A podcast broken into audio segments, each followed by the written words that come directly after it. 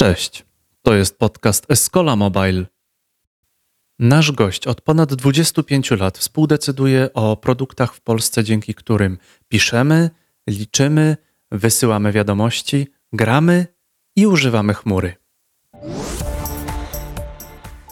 Escola Mobile. Biznes masz w kieszeni. Rozmowę poświęcimy aspektom biznesowym użycia technologii Microsoft. Chmura, serwery, dane i ich bezpieczeństwo dzięki chmurze. Zwłaszcza w sytuacji, kiedy następuje duża awaria w jednym z miast, gdzie znajdują się serwery. Dlaczego potrzebujemy wielkich chmur? Skąd biorą się te dane? I gdzie te dane są przetwarzane? W ten sposób płynnie przejdziemy do tematu data center w Polsce. Opowiemy, co to w ogóle jest data center, jakie data center są na świecie i po co się je buduje. Dodatkowo opowiemy, jakie mogą być korzyści z budowy data center właśnie w Polsce. Co z tego wyniknie w perspektywie 3-5 lat? Od technologii po regulacje.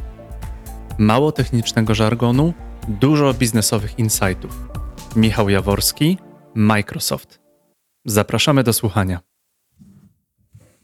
Dzień dobry, to jest Escola Mobile Live. Ze mną po krótkiej przerwie w publicznej obecności wszelkiej internetowej jest y, Michał Jaworski. Cześć Michale. Cześć, dzień dobry, bardzo dziękuję za zaproszenie. Dla tych, którzy nie znają człowieka, który chyba jest najdłużej w Microsoftie w Polsce, czyli 25 lat, słuchajcie, członek zarządu Microsoftu. 26,5. 26. Kurczę, niektórzy nasi słuchacze tyle jeszcze nie żyją na świecie, więc pozdrawiamy tych słuchaczy. Jeszcze się nie urodziliście, a Michał już pracował w Microsoft Polska, członek zarządu. Dla mnie znany przede wszystkim jako człowiek, dyrektor strategii, czyli człowiek, który tak naprawdę wpływa na to, jakie kierunki obejmuje ta, ta korporacja, która no jest jednym z tych graczy na świecie, który, który kształtuje to, jak, jak żyjemy. I to nie tylko w tym, na czym piszecie swoje y, teksty w Office, nie tylko na systemie operacyjnym, na którym działacie, ale też choćby jak się promujecie na LinkedInie, czy niektórzy z nas słuchają nas na LinkedInie, tak patrzę właśnie, jest parę osób już, to, to między innymi jest to też w portfolio Microsoftu. Michał, czy coś byś uzupełnił jeszcze na temat swojej osoby? Ja bym powiedział, że to jest rzeczywiście taka fantastyczna szansa dla każdego i ja mogę powiedzieć, że de facto pracowałem, czy pracuję w trzech różnych Microsoftach, tak? Sięgając do, do tych już zamierzchłych bardzo czasów, to ja bym powiedział, że to był taki absolutny startup na sterydach.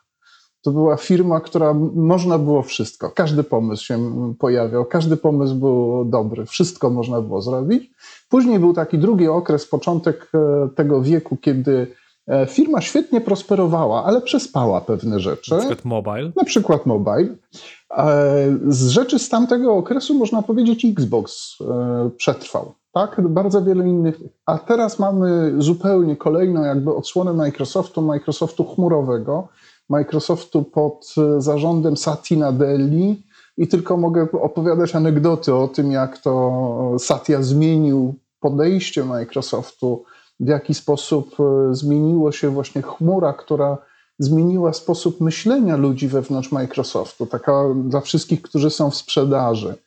Myślenie o tym, że jeżeli ja sprzedam Krzysztofowi za milion fistaszków, funtów, euro, coś takiego, mój bonus dalej jest zero ponieważ sam fakt sprzedaży Krzysztofowi te, tego e, Microsoftowej chmury nic nie zmienia.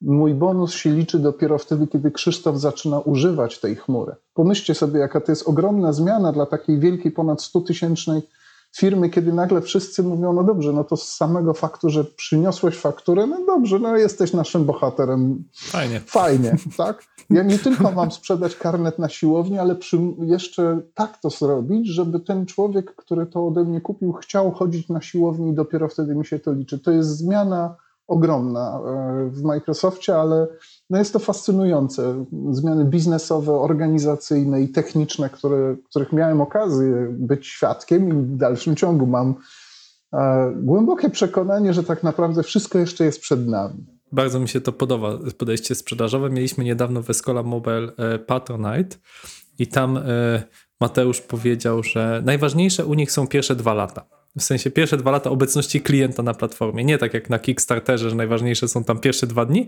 tylko u nich najważniejsze są pierwsze dwa lata i wtedy można stwierdzić, czy idziemy w dobrym kierunku. To tak samo z tą chmurą, tak? Jakby nie chodzi o to, żeby sprzedać, tylko żeby ktoś został naszym klientem, korzystał i rozumiem, co, korzystał No, coraz tak, więcej. tak byśmy y, chcieli y, oczywiście, żeby to tak wyglądało, ale to również zoba- zobaczcie, że to jest taka różnica, że partner, który nam sprzedaje, bo Microsoft zawsze miał taką mm, szkołę, żebyśmy nie sprzedawali bezpośrednio, tylko sprzedawaliśmy to przez naszych partnerów, jest mniej istotny w dzisiejszych czasach niż partner, który ma rozwiązanie. Bo partner, który ma rozwiązanie, no, przychodząc do klienta, jakby od razu rozmawia o tej potrzebie, którą ten klient ma. Wobec czego moment, w którym naprawdę masz potrzebę, to jest moment użycia chmury. Wobec czego my gdzieś jesteśmy w tle tej całej, tej całej e, dyskusji partnera o tym rozwiązaniu, no ale to jest ten cały ekosystem. W Polsce mamy około 6 tysięcy firm, z którymi współpracujemy ale coraz większy nacisk jest na to, żeby pracować z tymi, którzy mają mm, rozwiązania. One mogą być małe, one mogą być niszowe, one mogą być wielkie i one mogą być powszechne. One czasami są takie, że one działają tylko w Polsce, no bo odpowiadają temu, co się dzieje w Polsce, ale na przykład w tej chwili widzimy od ładnych paru lat, i to też jest zasługa chmury, jest to, że mamy iluś polskich, polskich firmy, polskich partnerów, którzy mówią, no w zasadzie rynek polski świetnie, ale my tak naprawdę to sprzedajemy w zachodniej Europie, sprzedajemy w Emiratach, sprzedajemy w Stanach Zjednoczonych.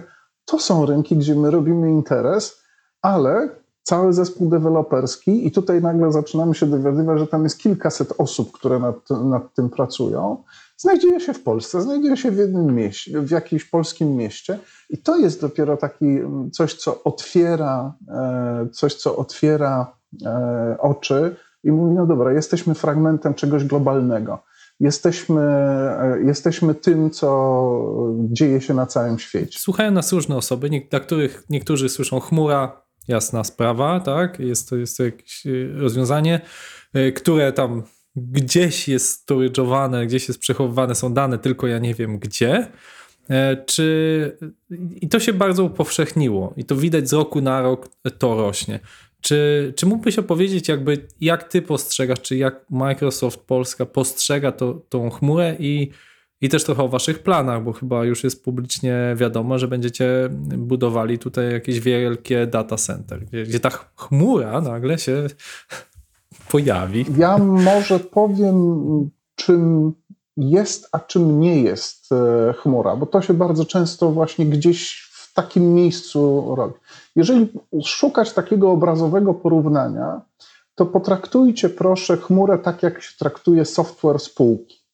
Czyli jest pewien produkt i on może być konfigurowalny. Tak jak myślicie o software'ze, który wgrywacie na, na swój komputer, można go sobie skonfigurować, można go sobie dostosować, ale on jest pewnym skończonym, niemodyfikowalnym już e, produktem. Czyli jeżeli e, mam jakiś właśnie taki software, to nie mogę w, za chwilę dzwonić do tego producenta i mówić, wiesz, słuchaj, a ja bym tutaj jeszcze poprosił, żeby może były takie, a nie inne cechy tego produktu. Patrzę się na ten produkt, on mi się podoba, próbuję go, używam go. To jest różnica w ta- od tego, czym jest outsourcing. I ludzie bardzo często mylą te dwie rzeczy. Jeszcze tutaj nam prawo nie pomaga, bo bardzo często pojawia się pojęcie outsourcingu, które tam się znalazło, zanim jeszcze istniała chmura. Więc e, outsourcing, można powiedzieć, jest jak software pisany na zamówienie. I ja sobie w- przy outsourcingu to ja mogę sobie porumakować do samego końca. Mogę powiedzieć, że tutaj powinny być takie moduły, innych ma nie być. Ci, którzy to piszą, mają mieszkać wyłącznie w powiecie Półtusk. E, Codziennie o godzinie 6 ma być podnoszona flaga przy dźwiękach hymnu. Opisujesz kulturę organizacyjnego któregoś z polskich software house'ów? Tak brzmi znajomo. Tak naprawdę jest to pewna trawestacja dyskusji, kiedy, która jest z, czasami z klientami, którzy mówią, chcielibyśmy, żeby zmienić to, zmienić tamto. e, Na ten. To jest jak software spółki. Czyli jest, e, jest, pewien, jest pewien zestaw cech, można go konfigurować, ale nie można modyfikować. Musisz się jakby zmierzyć z tym, czy chcesz taki, jaki on jest. Ta rzecz ma oczywiście te same, te same zalety, jak ma software spółki, ponieważ dostaję coś, co jest dużo bardziej dopracowane, ponieważ jest, pracuje dla e, setek tysięcy klientów, ale również w ten sam sposób to oznacza nie tylko stronę techniczną, ale również stronę organizacyjną całego przedsięwzięcia i również oznacza e, stronę licencyjną, stronę kontraktową.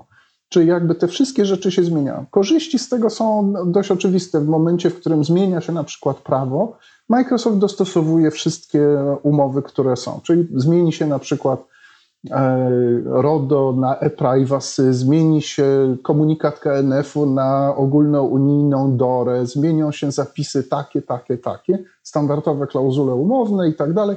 My to wszystko będziemy mieli. W momencie, w którym mielibyśmy dla 30 milionów naszych klientów 30 milionów różnych licencji, nie ma szansy zapanowania nad tym.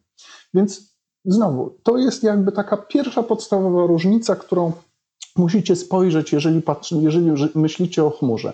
Pewien produkt o określonych cechach, ale produkt.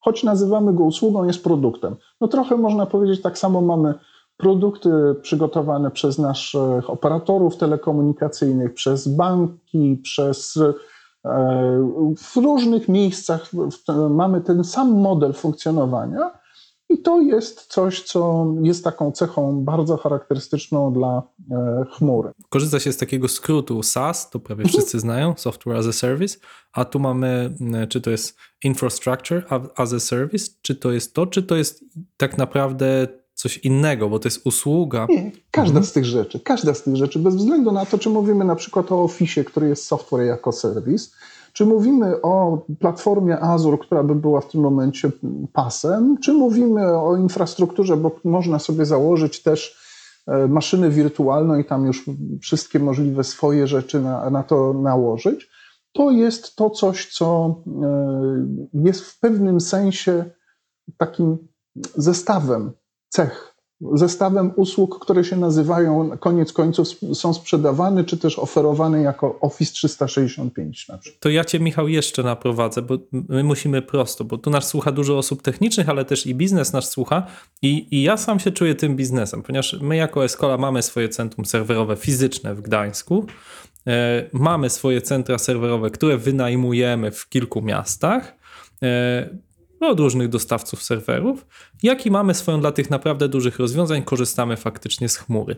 I ja pamiętam duże jakby wątpliwości związane z chmurą. Ojejku, to będzie dużo więcej kosztować, będę wynajmował, nie wiem jak kontrolować koszty, tutaj jakieś serwery, nie wiadomo, że to będzie w Polsce, czy w Ameryce, czy kurczę w jakiejś nie wiadomo gdzie. I miałem dużo wątpliwości y, z tym. Teraz rozumiem jakby zalety każdego z tych rozwiązań i rozumiem, że no jeżeli coś stoi u mnie, no to wada jest taka, że no muszę się tym opiekować, zajmować, tak, płacić za prąd i tak dalej, tak, chyba, że mam dostęp do prądu gdzieś kątem w biurowcu. E, jeżeli to wynajmuję od kogoś, no to ktoś tam jest 24 na 7, pilnuje, chłodzi, no co prawda jak się spali, no to, to nie najlepiej. No i jest opcja takiego czegoś, że wynajmuję tą, tą tajemniczą chmurę i czym tak naprawdę różni się chmura od takiego wynajęcia serwera, no nie wiem, na takim OVH, czy taka nazwa, czy Home, jakby czym różni się ta chmura czy Microsoftu, czy AWS-u, czy tam Google teraz ma, ci wszyscy najwięksi mają takie bardzo skalowalne chmury. I do czego się jej używa? Bo myślę, że tego nie powiedziałeś, a to jest y, jakby zasadnicza różnica. Czym jest ta chmura względem tego, że ja mam ten serwer gdzieś nie wiadomo gdzie, ale fizycznie y, w jakimś centrum serwerowym. Wiesz, to nie jest aż tak wielka różnica. To znaczy, to hosting jakiegoś serwera czy używanie nie jest odległe od tego. E, to znaczy, można powiedzieć, że tu zasadniczą różnicą, podstawową różnicą to jest to, że chmura jest samoobsługowa. To znaczy, ja mogę nie wchodzić w żadną relację z moim dostawcą. Mogę nie wiedzieć, jaki jest numer telefonu do Microsoftu, ani jacy ludzie tam pracują, nic. Wchodzę na stronę i poprzez kliknięcie jednej, drugiej, trzeciej rzeczy zaczynam tego używać. Jak się mi to nie podoba, to wyłączam, zmieniam. Jeżeli chcę e, spróbować czegoś nowego, to zmieniam. Jeżeli moje serwery stają się za małe, to powiększam. Jeżeli przestaje to być mi potrzebne, to zmniejszam. Przykład doskonały na to zaraz wszyscy będziemy składali swoje pity. I tam do 30 kwietnia wiadomo, że tam musi być bardzo duża moc obliczeniowa gdzieś włączona. Gdzieś 30 kwietnia po południu to już naprawdę musi być mocno, a kilka minut przed północą to już naprawdę wszystko musi być A włączone. i tak pada. A Natomiast 1 maja, prawdę powiedziawszy, możemy to ściągnąć niemal do zera. Prawda? To jest właśnie ten rodzaj takiej sytuacji. Każdemu tego życzę, bo to można powiedzieć, uruchamiam w firmie kampanię marketingową i nagle się okazuje, że potrzebuję bardzo wielu ludzi. Jeszcze jeden przykład taki z pandemii. Pamiętacie, że był taki e, projekt e, Lot do domu. Tuż po ogłoszeniu pandemii, Polacy będący za granicą, proszę się zgłosić. Cała aplikacja została napisana w kilka godzin, postawiona na chmurze. W ciągu 8 godzin jej funkcjonowania 25 tysięcy osób się zgłosiło, łącznie tam chyba kil, kilkadziesiąt tysięcy, już nie pamiętam ile. W chwilę później nie było już potrzeby utrzymywania tej aplikacji, ponieważ ona jakby skończyła swoje życie. Czyli ta sama obsługa, stawiam, uruchamiam, jest mi potrzebne, wyłączam, zmieniam narzędzie. To jest, to jest myślę taka e, najbardziej podstawowa charakterystyka chmury. Natomiast jeśli patrzymy na to, jak to wygląda po naszej stronie, wszystko mi jedno, czy jesteście wielkim bankiem, czy firmą energetyczną, czy jesteśmy małą, średnią firmą. Tak naprawdę patrzymy na trzy elementy i to nawet, że się poruszył wszystkie w tym, co powiedziałeś, że muszę się zastanowić i tej- ta chmura mnie troszeczkę przerażała. Mianowicie patrzymy na część taką prawną, czyli kontraktową, co tak naprawdę mi ten dostawca daje. Druga część to jest strona techniczna, jakie techniczne rzeczy będę mógł uruchomić. I tu chmura z punktu widzenia e, użytkownika jest w zasadzie czymś nieskończonym. To znaczy liczba serwerów, które mogę uruchomić jest czymś nieskończonym. Moc tych serwerów, chcecie Kreja w chmurze Microsoftu, proszę uprzejmie. Mark Rusinowicz powiedział, że będziemy w tym roku uruchamiali tak zwaną General Availability komputerów kwantowych. No więc tu jakby moc obliczeniowa w zasadzie nieskończona. E, Liczba narzędzi, które są dostępne, jest też w zasadzie nieskończona. Za darmo, za pieniądze, można, można to brać i wybierać.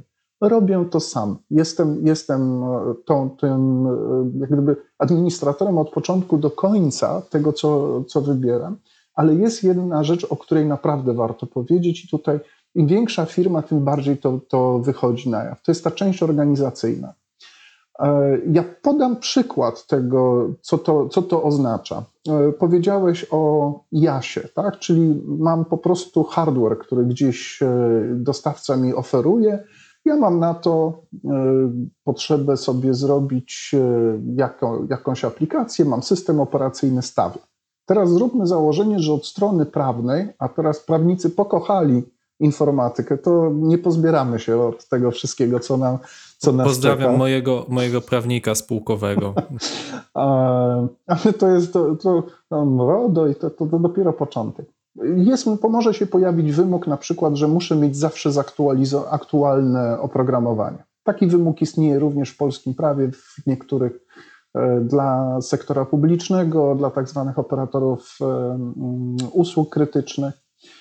Mam taki wymóg. Jeżeli ja jestem na własnej infrastrukturze albo właśnie w modelu IaaS, to ja muszę gdzieś ten, powiedzmy, system operacyjny skądś pozyskać, następnie sobie wybrać czas, a następnie jeszcze umieć go zainstalować, bo to nie tylko o to chodzi, żeby zainstalować, a jeszcze trzeba to umieć zrobić. Wszystko zależy ode mnie. Czyli tutaj w tym przypadku rzeczywiście dostawca chmury po prostu tylko udostępnił hardware. To tak samo to się dzieje, jak mam własną serwerownię. Czyli strona organizacyjna i techniczna również leży, leży u mnie. Jeżeli to jest dostawca, jeżeli korzystam z chmury, która jest w pasie, czyli mam tutaj platformę as a service, tam już jest ten system e, e, operacyjny, to dostawca będzie go upgrade'ował do, do najnowszej wersji. Ale e, ja muszę zorganizować to. To znaczy, oczywiście są jakieś aplikacje, które chodzą na tej maszynie, no wobec czego najlepiej by to zrobić ten upgrade nie w momencie, kiedy wszyscy pracują i nie pod koniec miesiąca, kiedy na przykład zamykamy księgi.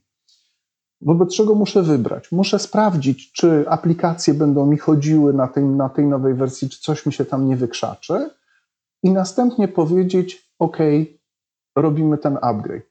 Upgrade robi już dostawca. Nie muszę mieć tej wiedzy technicznej, ale po stronie organizacyjnej ja również muszę wiedzieć, że ten dostawca zapewnia mi taki odłożony upgrade i muszę to po swojej stronie również poorganizować. Wszystko jedno, czy rozmawiamy o takiej sytuacji, jak tutaj mówię, czy rozmawiamy o cyberbezpieczeństwie, czy rozmawiamy e, o innych e, rzeczach, ta część organizacyjna w firmie zaczyna być w momencie wykorzystania chmury chyba najpoważniejszym wyzwaniem, bo do tej pory żeśmy robili to inaczej, teraz trzeba zacząć robić to inaczej. I to myślę jest, e, im większa firma, tym to, tym to jest e, rodzaj wyzwania, ja bym powiedział, bo to nie chodzi o to, że to jest trudne, bo to są pewne kompetencje, które się zdobywa, tak?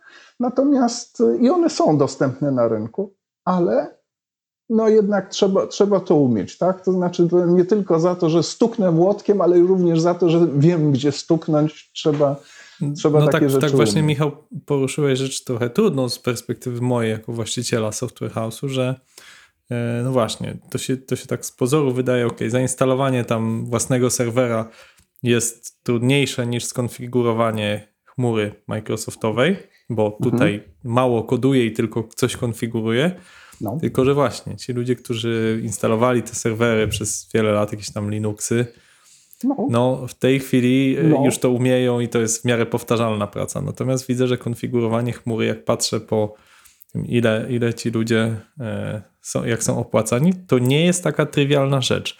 I powiedz mi, czy to Twoim zdaniem wynika z tego, że to jest relatywnie nowe, czy to wynika z tego, że właśnie jest to trudne z jakichś powodów technicznych, czy może mm, chodzi o wielkość rozwiązań? No bo nie oszukujmy się, że, że w większości chmura jest dobra, jeżeli rozwiązanie ma być no w miarę duże, tak? Nawet jeżeli e, jest tylko przez chwilę duże, tak? No to, to duże nawet przez chwilę, tak jak mówiłeś w przypadku PIT-u przez jeden dzień czy tam parę dni, to Tak. oznacza, że musi przyjąć jakieś 30, e, no może 20 milionów Polaków pewnie Tak, składa PIT-y, 20 milionów jakichś prostych pliczków, tam nie wiem co to są jakieś XML-e czy, czy, czy PDF-y, jak to tam jest przekształcane, które mają może po 100 kilobajtów przyjmijmy, czyli to obciążenie nie jest jakieś duże, no ale ten serwer musi to wszystko przyjąć w krótkim czasie.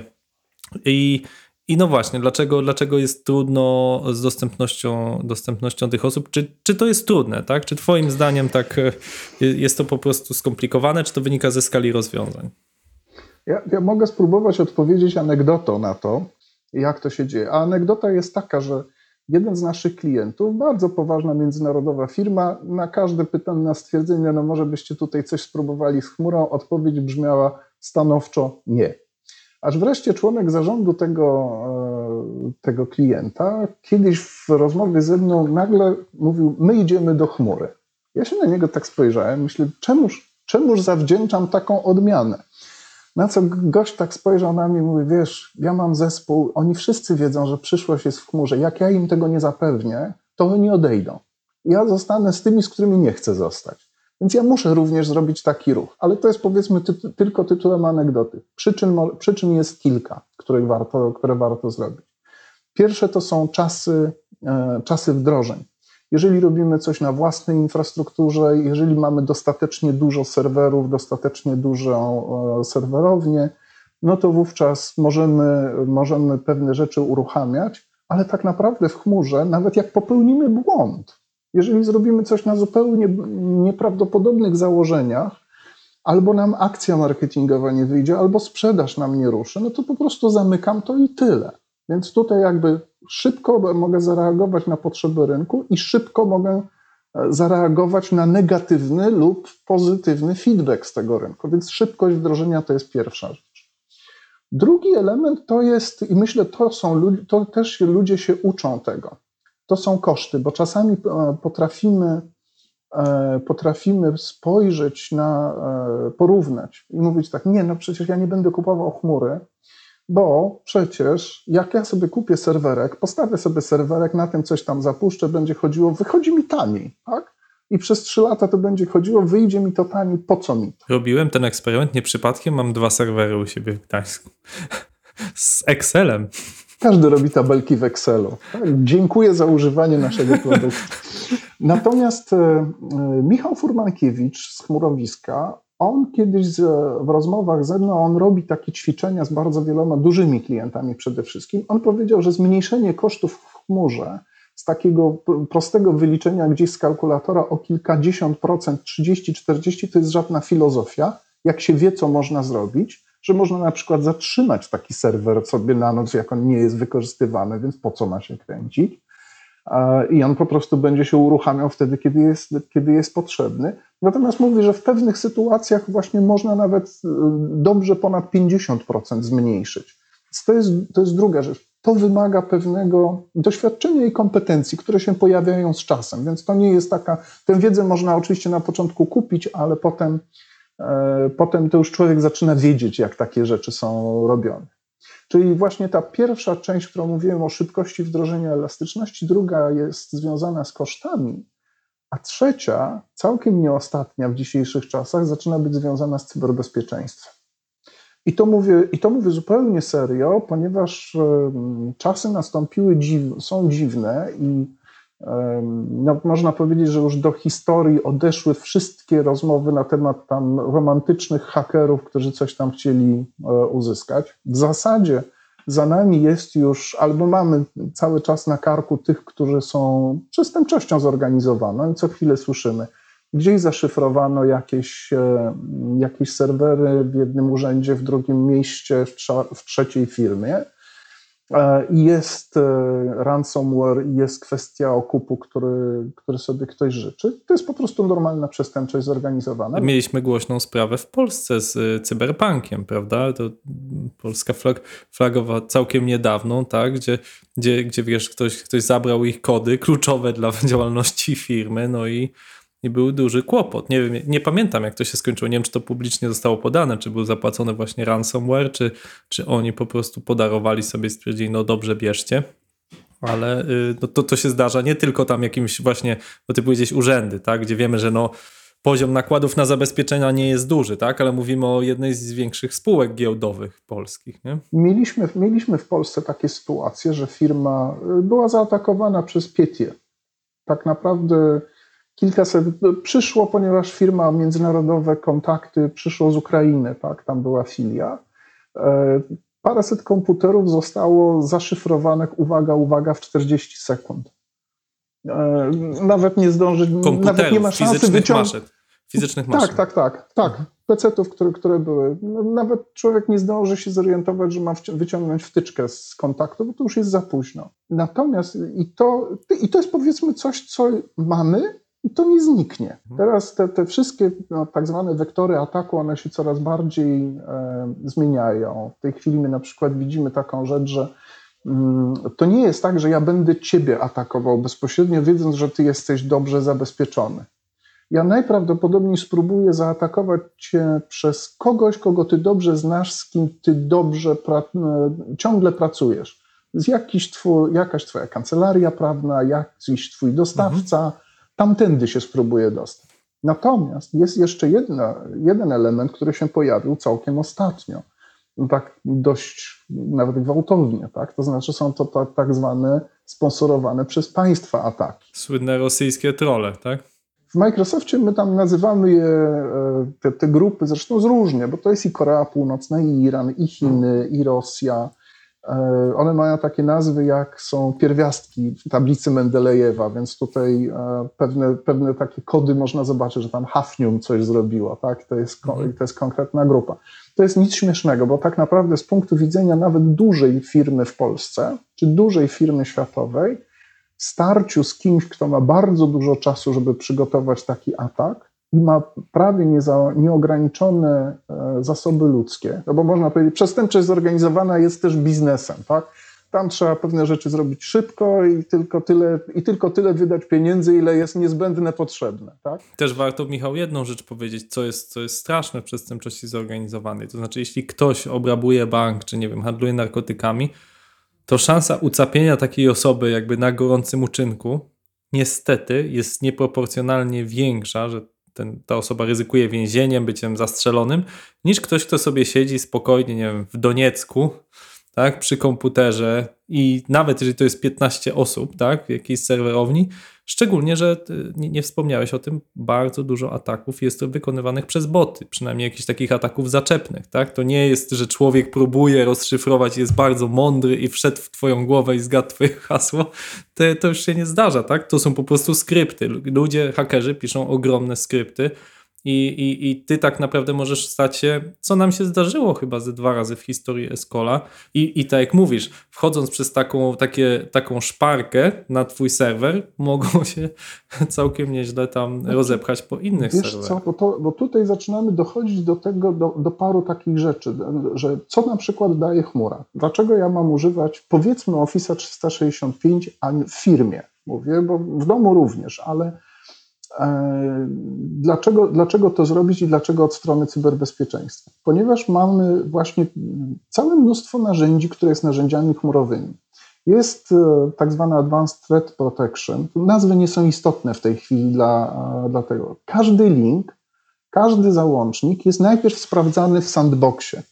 I Microsoft sprawdza kilka miliardów takich, takich załączników, takich linków miesięcznie. W związku z powyższym, nawet jeżeli cokolwiek się jest tam złego, to natychmiast się okaże, że po prostu to do nas nie dojdzie. A tutaj znowu, tak mówiąc tak trochę anegdotycznie, jak się rozmawia z informatykami, to każdy może powiedzieć, że w każdej firmie jest przynajmniej jedna taka osoba, która kliknie na wszystko, co do niej przyjdzie. I wtedy, Oczywiście. I wtedy informatycy mówią, żeby była tylko jedna, tak? Żeby tylko taka jedna była, to by było świetnie. Więc już to jest pierwsze zabezpieczenie. Druga rzecz, która się pojawia w chmurze, to są na przykład właśnie rzeczy związane czy z, no dobra, będę, będę, będę używał tego żargonu niestety, czyli wieloskładnikowym uwierzytelnieniem, czyli po ludzku nie tylko hasło login, ale również jeszcze druga rzecz, czyli na przykład przez telefon, coś co znamy z banków, tak? To według e, raportów, które my przygotowujemy, obniża o ponad 99% E, kwestie e, jakby możliwości złamania tego. Tylko teraz znowu, co daje chmura? Daje pewną również e, możliwość włączenia takich rzeczy w sposób warunkowy. Czyli jeżeli mamy komputer stacjonarny, który stoi w magazynie i codziennie o godzinie 7 magazynier Michał przychodzi i loguje się do tego komputera, to to jest magazynier Michał. To, to nie ma żadnych wątpliwości, że to jest magazynier Michał, on jest tam przyczepiony, na kabelku wisi ten komputer, to w ogóle nie ma sensu. Wdrażanie u niego jeszcze, że ma się zalogować za pomocą telefonu, podać kod, to, to jest szykana. On ma przede wszystkim prawdopodobnie klucz, y, klucz do tego magazynku, tylko klucz do tego i... magazynu, tak. Ale nie, tu możemy przyjąć, czy jest takie, również taka analiza, powiedzmy, behawioralna pewnych, pewnych rzeczy. Tu za chwilę jeszcze też do tego dojdę. Ale jeżeli tenże magazynier Michał nagle się loguje z jakiejś maszyny wirtualnej, która jest w Hongkongu, no to no, warto byłoby sprawdzić, czy on na pewno tam jest. Lubi tak? podróżować. Lubi podróżować. Przed chwilą był w Belize, teraz jest w Hongkongu, chyba jest na jakimś szybki, szybkim samolocie. Ale to prawda, to, to, to dostajemy te powiadomienia, tak? Jest, I pojedziesz gdzieś, tak, w delegację, nie wiem, jesteś na workation, jak ja to lubię, tak? I on mówi, Hej, co ty robisz na Kanarach? Jeszcze wczoraj byłeś we Wrocławiu. E, czy to ty, tak? Tu cię uwierzytelniemy na innym urządzeniu albo wyślemy ci SMS-a. To i, to I to jest takich, jeżeli patrzeć na to, jak, jak my do tego podchodzimy, to my mówimy, że trzeba przede wszystkim chronić kilka rzeczy. Tożsamość użytkownika jest chyba nawet tak z naszej personalnej perspektywy jest najważniejsza, tak? Ja różne, rzeczy, różne rzeczy człowiek przeżyje, nawet jak mu tam portfel ukradną, ale jak tak naprawdę ktoś się pod ciebie podszywa i zaczyna coś robić, to jest, to jest wrażenie jest straszne. Że trzeba chronić urządzenia, że trzeba chronić aplikacje i trzeba chronić dane. Takie rzeczy w chmurze się dostaje jak gdyby w pakiecie. Tak? Czy one są już włączone, można mówić o tym, że one tam już są. Jeżeli ja to robię u siebie, muszę to robić sam.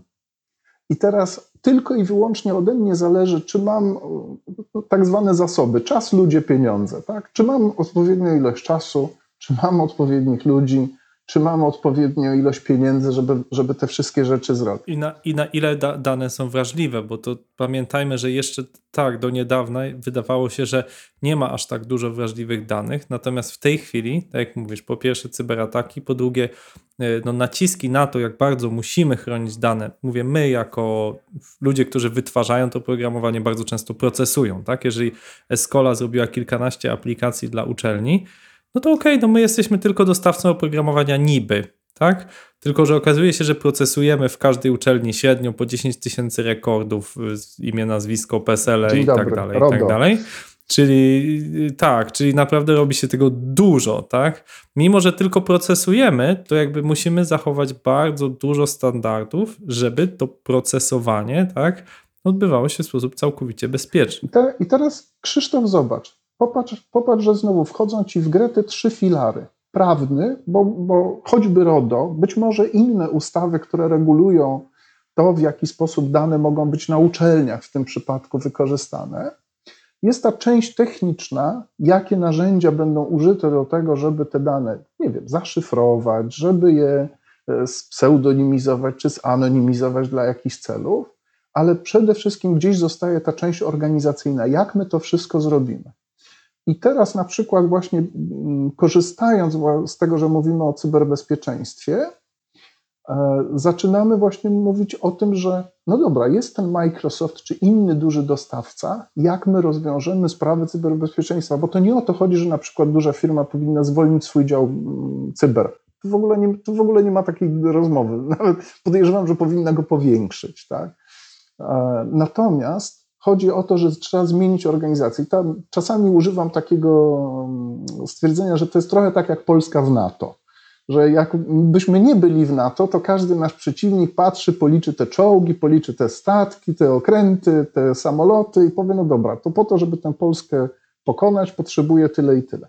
Polska w NATO to jest już troszeczkę inna historia, ponieważ nigdy nie wiadomo, czy ktoś się nie odwinie i czy siódma flota nie przepłynie z Pacyfiku gdzieś tutaj bliżej, żeby, żeby nam pomóc. Ale to nie oznacza, że jeżeli jesteśmy w NATO, że polskiej armii nie powinno być. Powinna być jak najbardziej.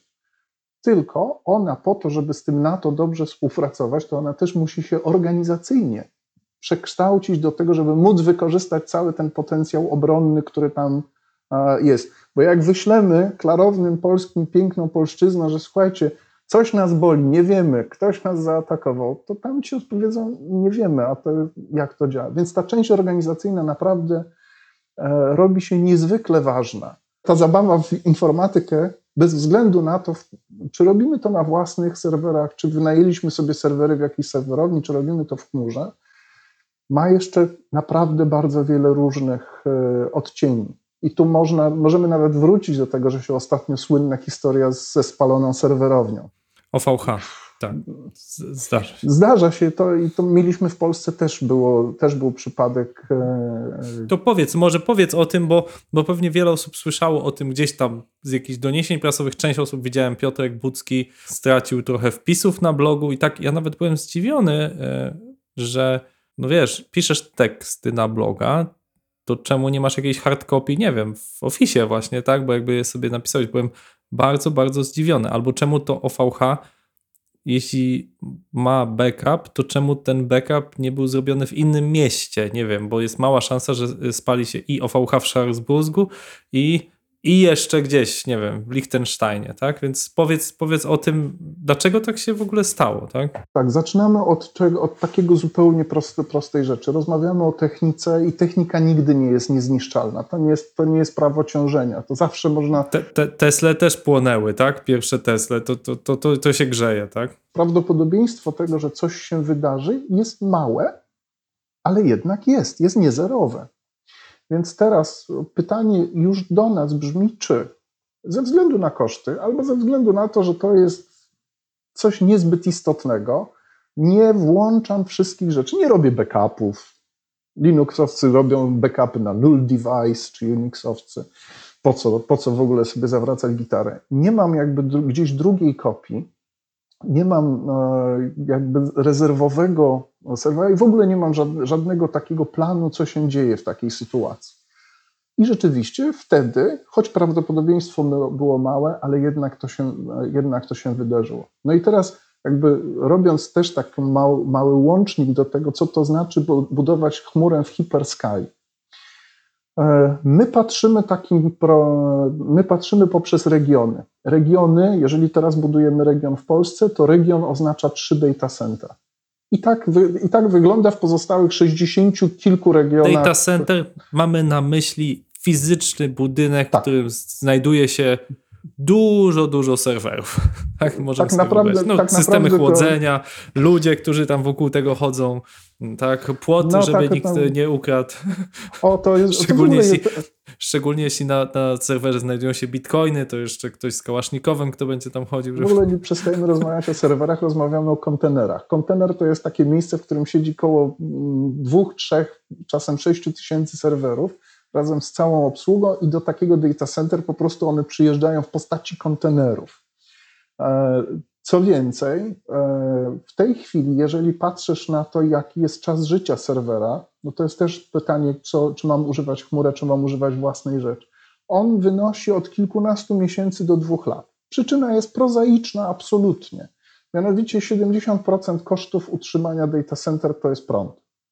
Jeżeli mogę postawić zamiast N serwerów, które mają po 16 rdzeni i e, ileś tam ramu, mogę postawić takie, jak my robimy w tej chwili, to znaczy, że tam jest już 28 e, procesorów, w każdym jest 16 rdzeni, do tego jest 24 e, terabajty RAMu, i to jest jeden serwer. To Czyli to rozumiem, to wynika, y, dopytam cię, bo to ciekawe dla takiego geeka jak ja, po prostu wymienia się co dwa lata nie dlatego, że tam się zużyły matryce, czy tam, nie wiem, już się to A. Tak. zaczyna nadpalać, bo nie wiem, krzem A. Tak. już nie wytrzymuje, tylko A. po tak. prostu za dwa lata y, i wasz partner Intel, czy, czy inny mhm. dostawca, mhm. tak, Nvidia, y, whoever tam dostarcza te, te, te komponenty, mówi, ej, mamy coś, nie wiem, o 30% tańszego w eksploatacji, a dające tę tak samą jest. moc obliczeniową, proszę kupujcie, a wy wtedy stare wysyłacie, nie wiem, tak. dla Amazona. Nie, nie, nigdzie nie wysyłamy.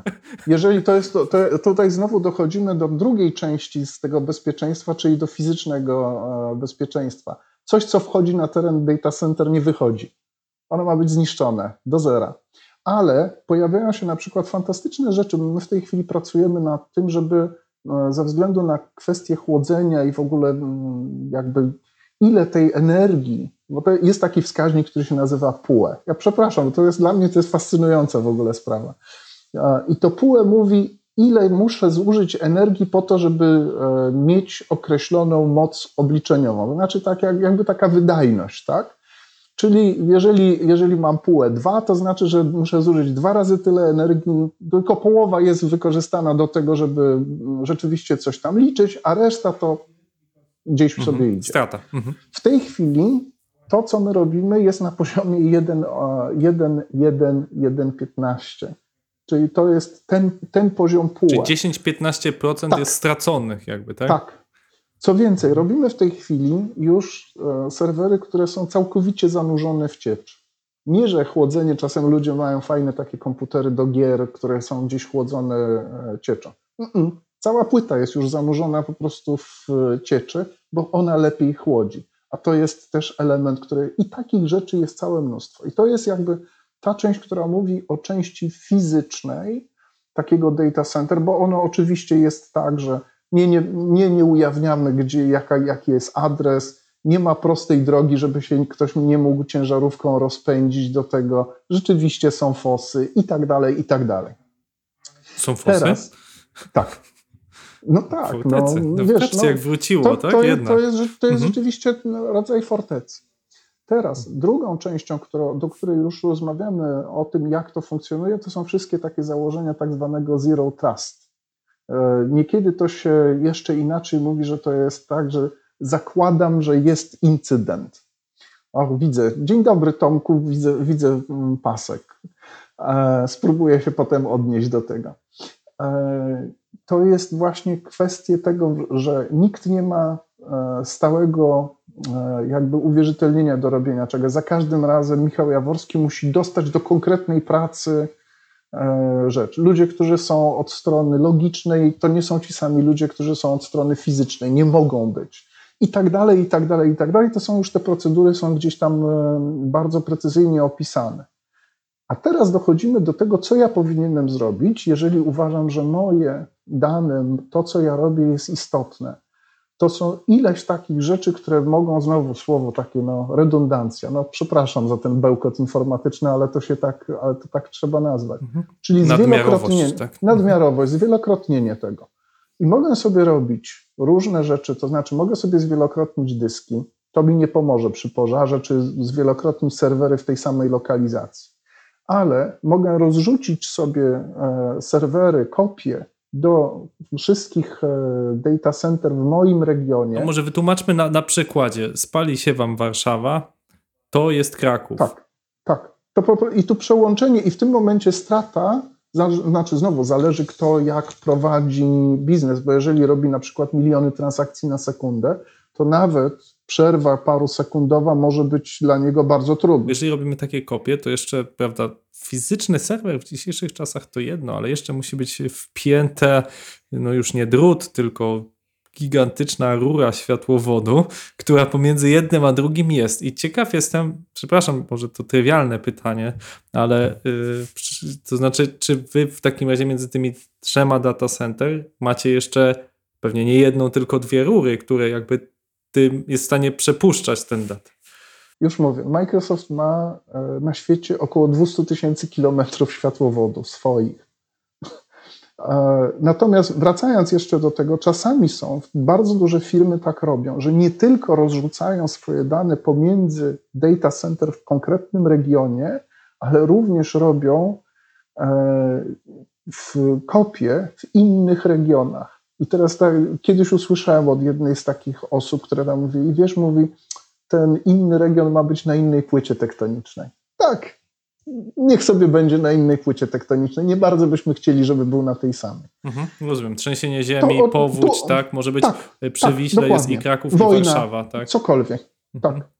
Więc w tym, w tym momencie, w zależności od tego, jak potrzebujemy to zrobić, no bo to znowu pytanie jest o koszt, tak? Również w zarządzaniu, bo to nie jest tylko kwestia tego, że ja sobie to zamówię i zrobię, ale również potem muszę tym zarządzić. Jeżeli chcę zrobić sobie jakiś exit plan, czy chcę sobie zrobić coś jeszcze, muszę tym zarządzić, czy robić, jakie, czy robić jakieś e, backupy z tego, muszę tym zarządzać.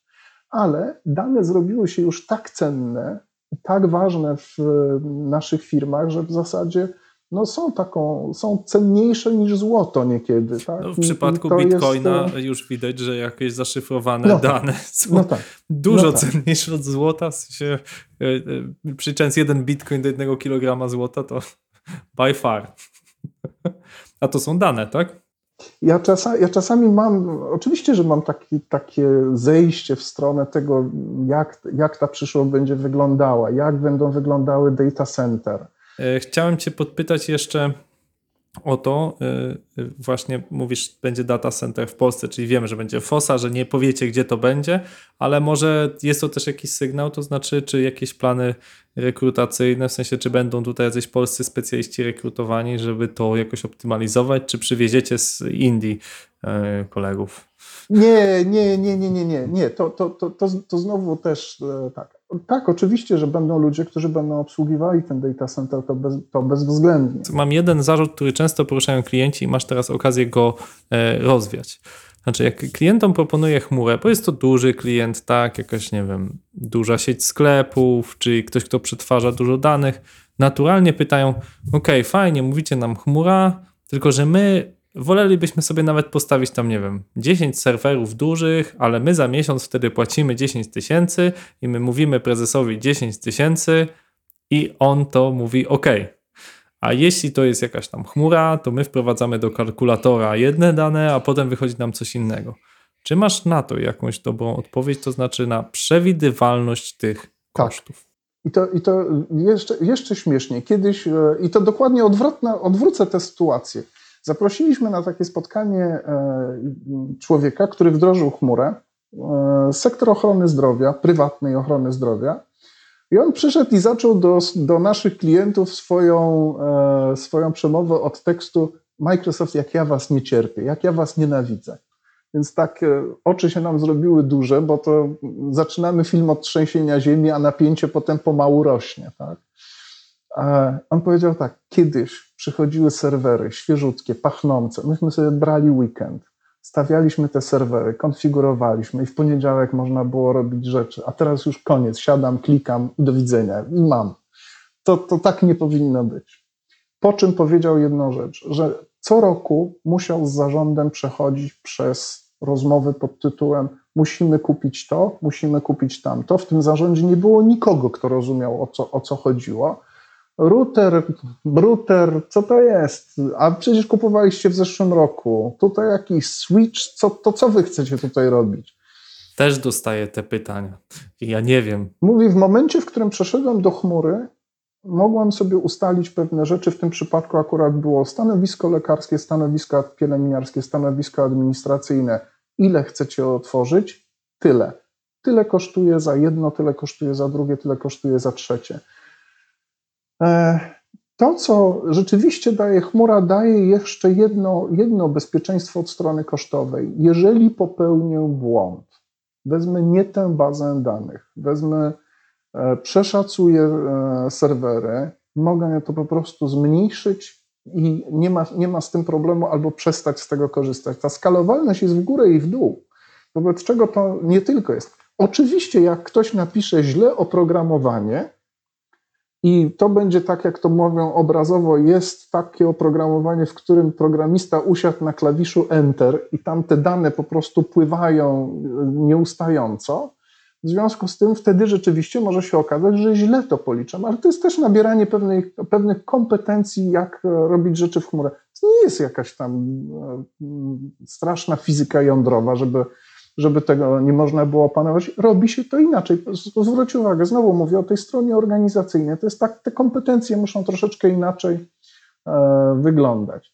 No i znowu widzę, że, że Tomek pyta, że tak, że są inne metody budżetowania, inne metody zamawiania, mierzenia wpływu na e, koszt IT i środków na wynik firmy.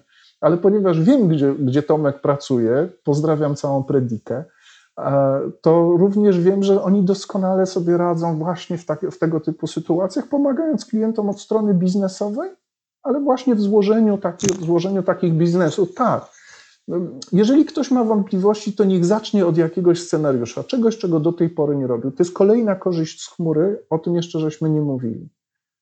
Jest bardzo wiele rzeczy, których nie zrobisz poza chmurą. Sztuczna inteligencja jest takim dla mnie klinicznym przykładem tego, że po prostu zaraz nie będzie takich rzeczy, które możesz zrobić, bo po prostu nie ma sensu ich robienie poza chmurą. W chmurze masz odpowiednią moc obliczeniową, te modele mogą zacząć funkcjonować to jest, to jest również, może być również, i to też już słyszymy, pewne aplikacje przestaną być dostępne on-premise. Parę firm już takie, takie rzeczy powiedziało, że przepraszamy, ale już następne wersje będą wyłącznie chodziły na chmurze. Jeżeli macie, e, jeżeli macie dzisiaj korzystacie, a to bo potrafią być takie aplikacje finansowo-księgowe ERP, no to sorry, to już dalej, to już dalej nie będzie. Zresztą, no, mój Boże, to, to przestańmy demonizować tę chmurę, ponieważ ona jest po prostu just another IT model. I przeszkodziliśmy przez to wielokrotnie. Mhm. Tak? To, to, to, tu postawimy kropkę, chociaż ja z, z, korzystając z okazji chcę pozdrowić osoby. Mamy taki projekt właśnie AI-owy, e, przy którym współpracujemy i tam poszło na dwa lata około 250 tysięcy na serwery. Na teoretycznie proste stworzenie modelu, więc e, jakby tym, którzy nas pozytywnie ocenili, bardzo dziękuję, że zrozumieli, że zrobienie tego bardzo prostego modelu po prostu będzie wymagało N mocy obliczeniowej, którą, e, żebyśmy my sobie ten model mogli e, wypracować. Tam, tam chodzi o optymalizację pewnego algorytmu, jakby dobierania słówek w, w, nauce. No I to, to się, to, to się te... pamiętam, jak rozmawialiśmy, to ktoś zrobił wielkie oczy, ale dlaczego tyle? Jakby co wy tam będziecie przetwarzać? No, będziemy przetwarzać, bo ten, tych, tych słówek można tam dowolną ilość pakować, a internet akurat algorytmów językowych jest, jest e, pełen. Słuchaj, my robimy jako Microsoft e, razem chyba z dwiema firmami z Włoch w tej chwili projekt a propos takich rzeczy, których nie zrobisz poza chmurą. Dla Parlamentu Europejskiego, chyba dla Komisji też, ale na, na Parlamentu Europejskiego na pewno. Języków, które są oficjalne, jest dwadzieścia kilka. Nie jest 27, jest chyba 24, ponieważ tam no, niemiecki się powtarza dla Austrii, choćby i dla Niemiec. Tak? E, I to, co ma być zrobione, to jest tłumaczenie kabinowe razem z transkryptem ze wszystkich Mhm. języków na wszystkie. Do zrobienia Czyli już w tej wychodzi- chwili. Tak. Tak, wychodzi, wychodzi europoseł i mówi, mówi w swoim ojczystym języku, a jednocześnie wszyscy słyszą go w swoich ojczystych językach i jednocześnie tworzony jest transkrypt, Just który in time. się... Just który, in time. Just in time. Czy, Współczuję tłumaczom symultanicznym tutaj, e, że niedługo prawda. stracą pracę, ale, Ale- można się ale- do IT przekwalifikować na Ale poczekajcie, ale to, ale to jest, wiesz, to jest również, to jest takie myślenie na zasadzie, my czasami właśnie mówiąc gdzieś o, o, o tym, e, mamy te samochody autonomiczne. Samochody autonomiczne to jest ten, ale magazyn autonomiczny, po którym będą jeździły wyłącznie już sterowane sztuczną inteligencją wózki, które będą zbierały ze wszystkich możliwych e, miejsc i just in time dostarczały w miejsce, gdzie się pojawia ciężarówka, która najprawdopodobniej poinformowała już paręnaście minut wcześniej, czy pół godziny wcześniej, że zmierzam. I tam była informacja, masz dojechać do stanowiska numer 5 i w momencie, kiedy ona dojeżdża, otwiera klapę, to już te wózki tam wszystkie przyjechały, ponieważ one złożyły te, te mm, wszystkie rzeczy już prawie, prawie bez udziału człowieka. Projekty sklepów. Robimy w Polsce projekt z żabką, gdzie mm, bardzo wiele rzeczy właśnie też jest zautomatyzowane. To jest tylko kwestia wyobraźni, do czego, może, do czego mogą być e, przydatne i chmura, i e, sztuczna inteligencja, i jakieś jeszcze inne nowe technologie. Nie ma granic. Ja dlatego mówię, że pomimo tych 26 lat w Microsoftie, ja cały czas jestem zafascynowany tym, co dopiero będzie. Okej, no to teraz płynnie możemy przejść, mamy już ostatnie minuty audycji do przyszłości, znaczy 26,5 roku, to teraz nie chcecie ciągnąć za język, co będzie za 10 lat, bo, bo kto wie, co będzie, tak, y, przyjdzie jakiś kataklizm, nie wiadomo co, nie wiemy, co będzie, Nie, ale pytanie za miliardy dolarów, Tak. funtów, fistaszków, czego sobie tam chcemy.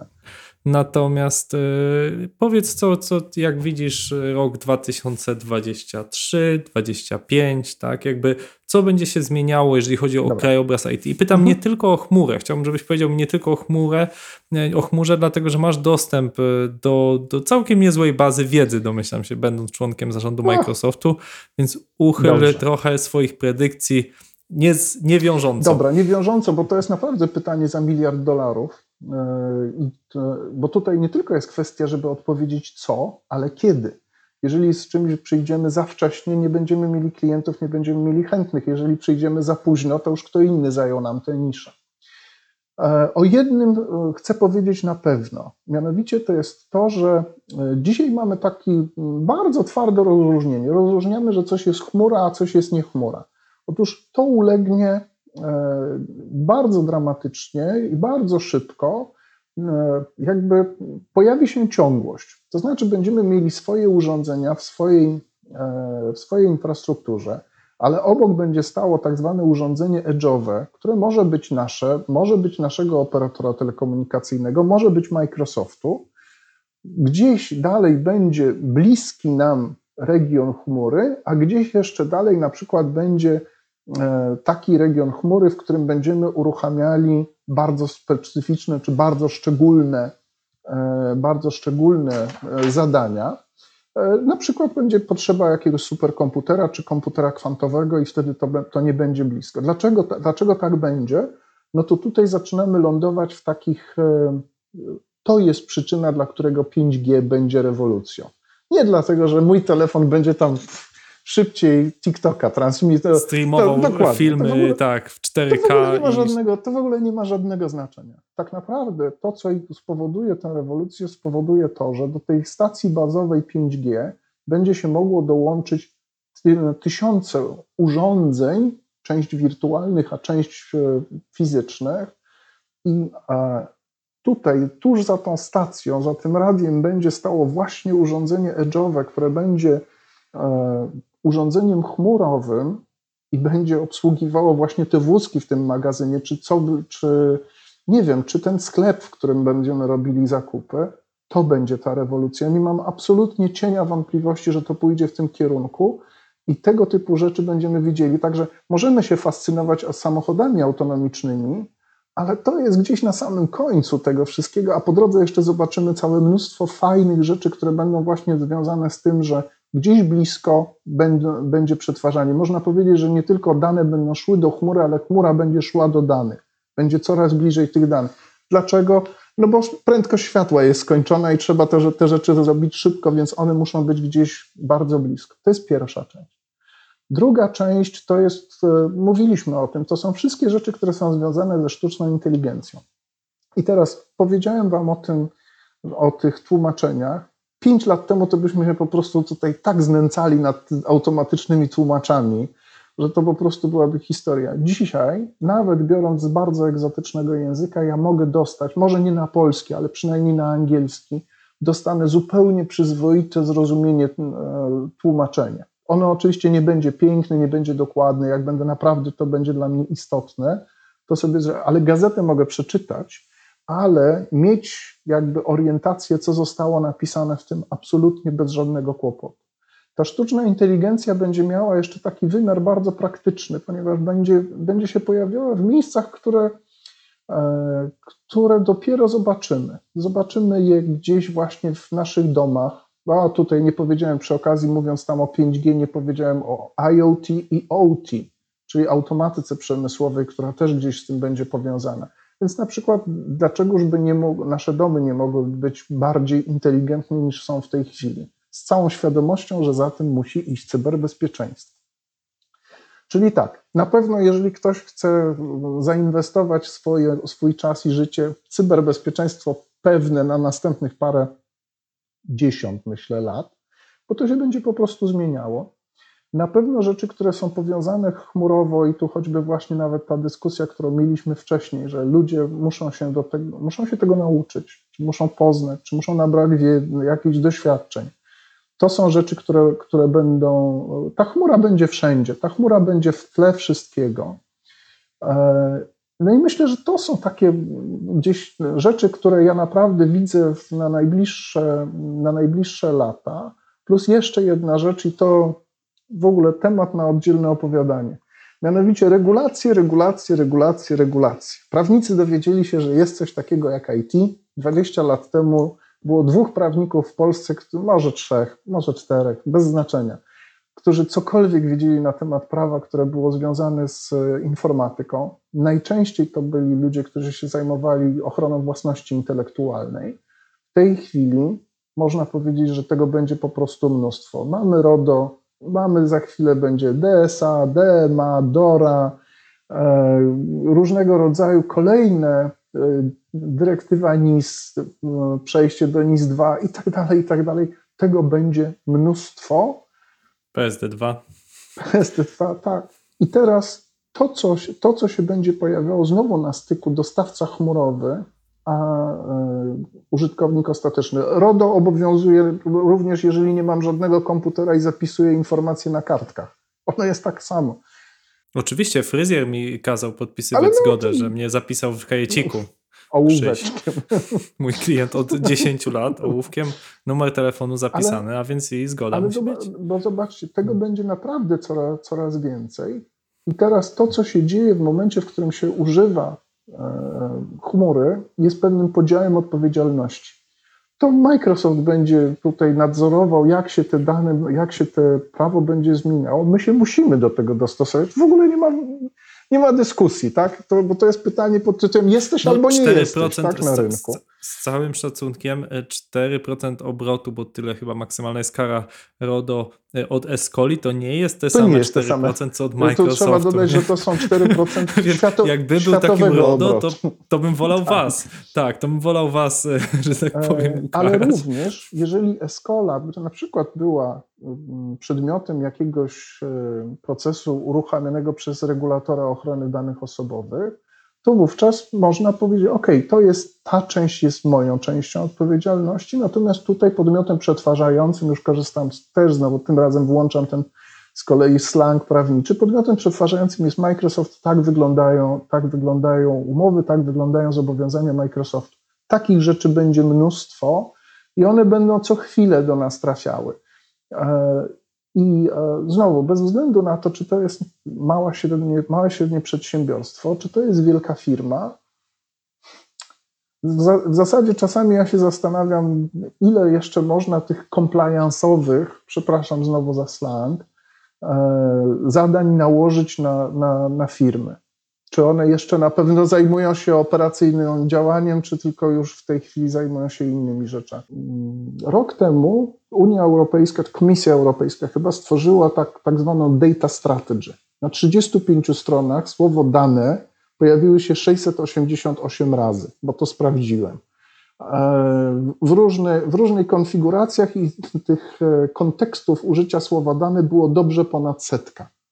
Więc możecie sobie tylko po prostu wyobrazić, co to oznacza, bo każdy z, takich, z tych kontekstów w porywie może się zmienić na regulację, a w porywie może się zmienić na to, co ja jestem zobligowany e, zrobić. Więc znowu, jakby te platformy będą, m, będą miały ogromne znaczenie do tego, jak to, jak to robię. Czyli no, tak jak patrzeć na co, w co miałbym zainwestować, e, na pewno jakieś umiejętności chmurowe, one mogą być bardzo różne. Mogę na przykład umieć to, jak finansowo obliczyć rzecz, albo jak robić Mhm, cyberbezpieczeństwo, albo właśnie zgodność z przepisami, albo jeszcze co, albo technicznie.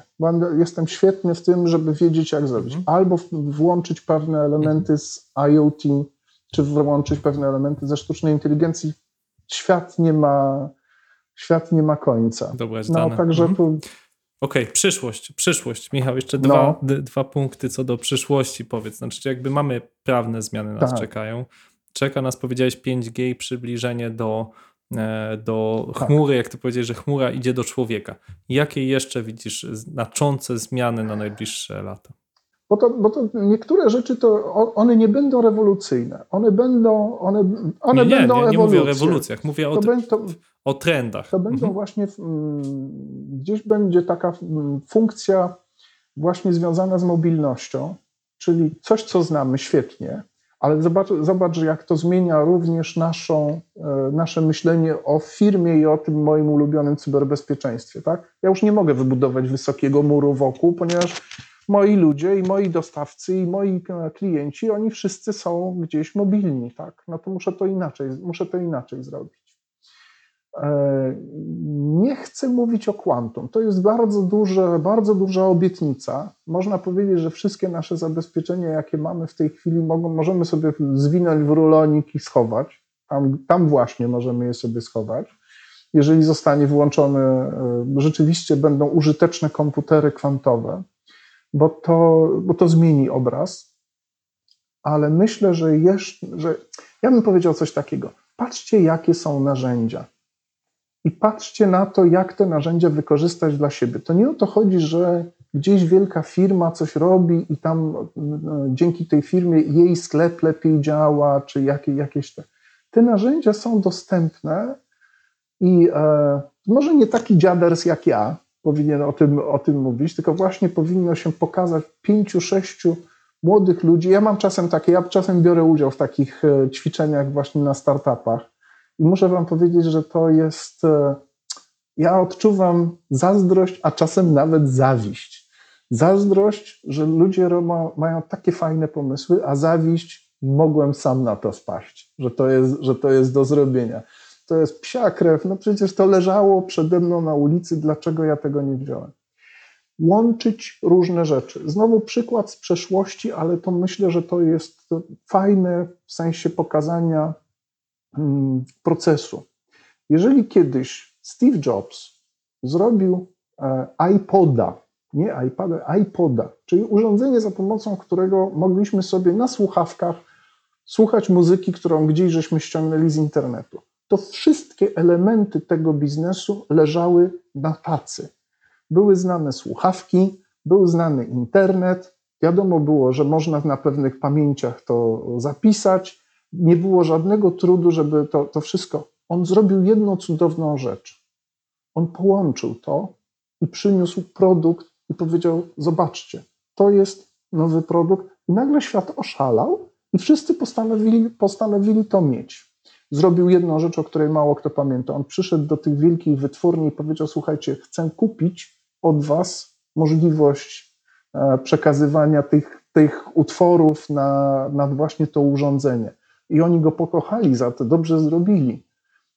Łączenie prostych rzeczy, które do tej pory leżą obok siebie i mówienie, to jest, nasze, to jest coś nowego, co chcemy wdrożyć, to jest to coś, gdzie leży nie milion, ale miliardy dolarów.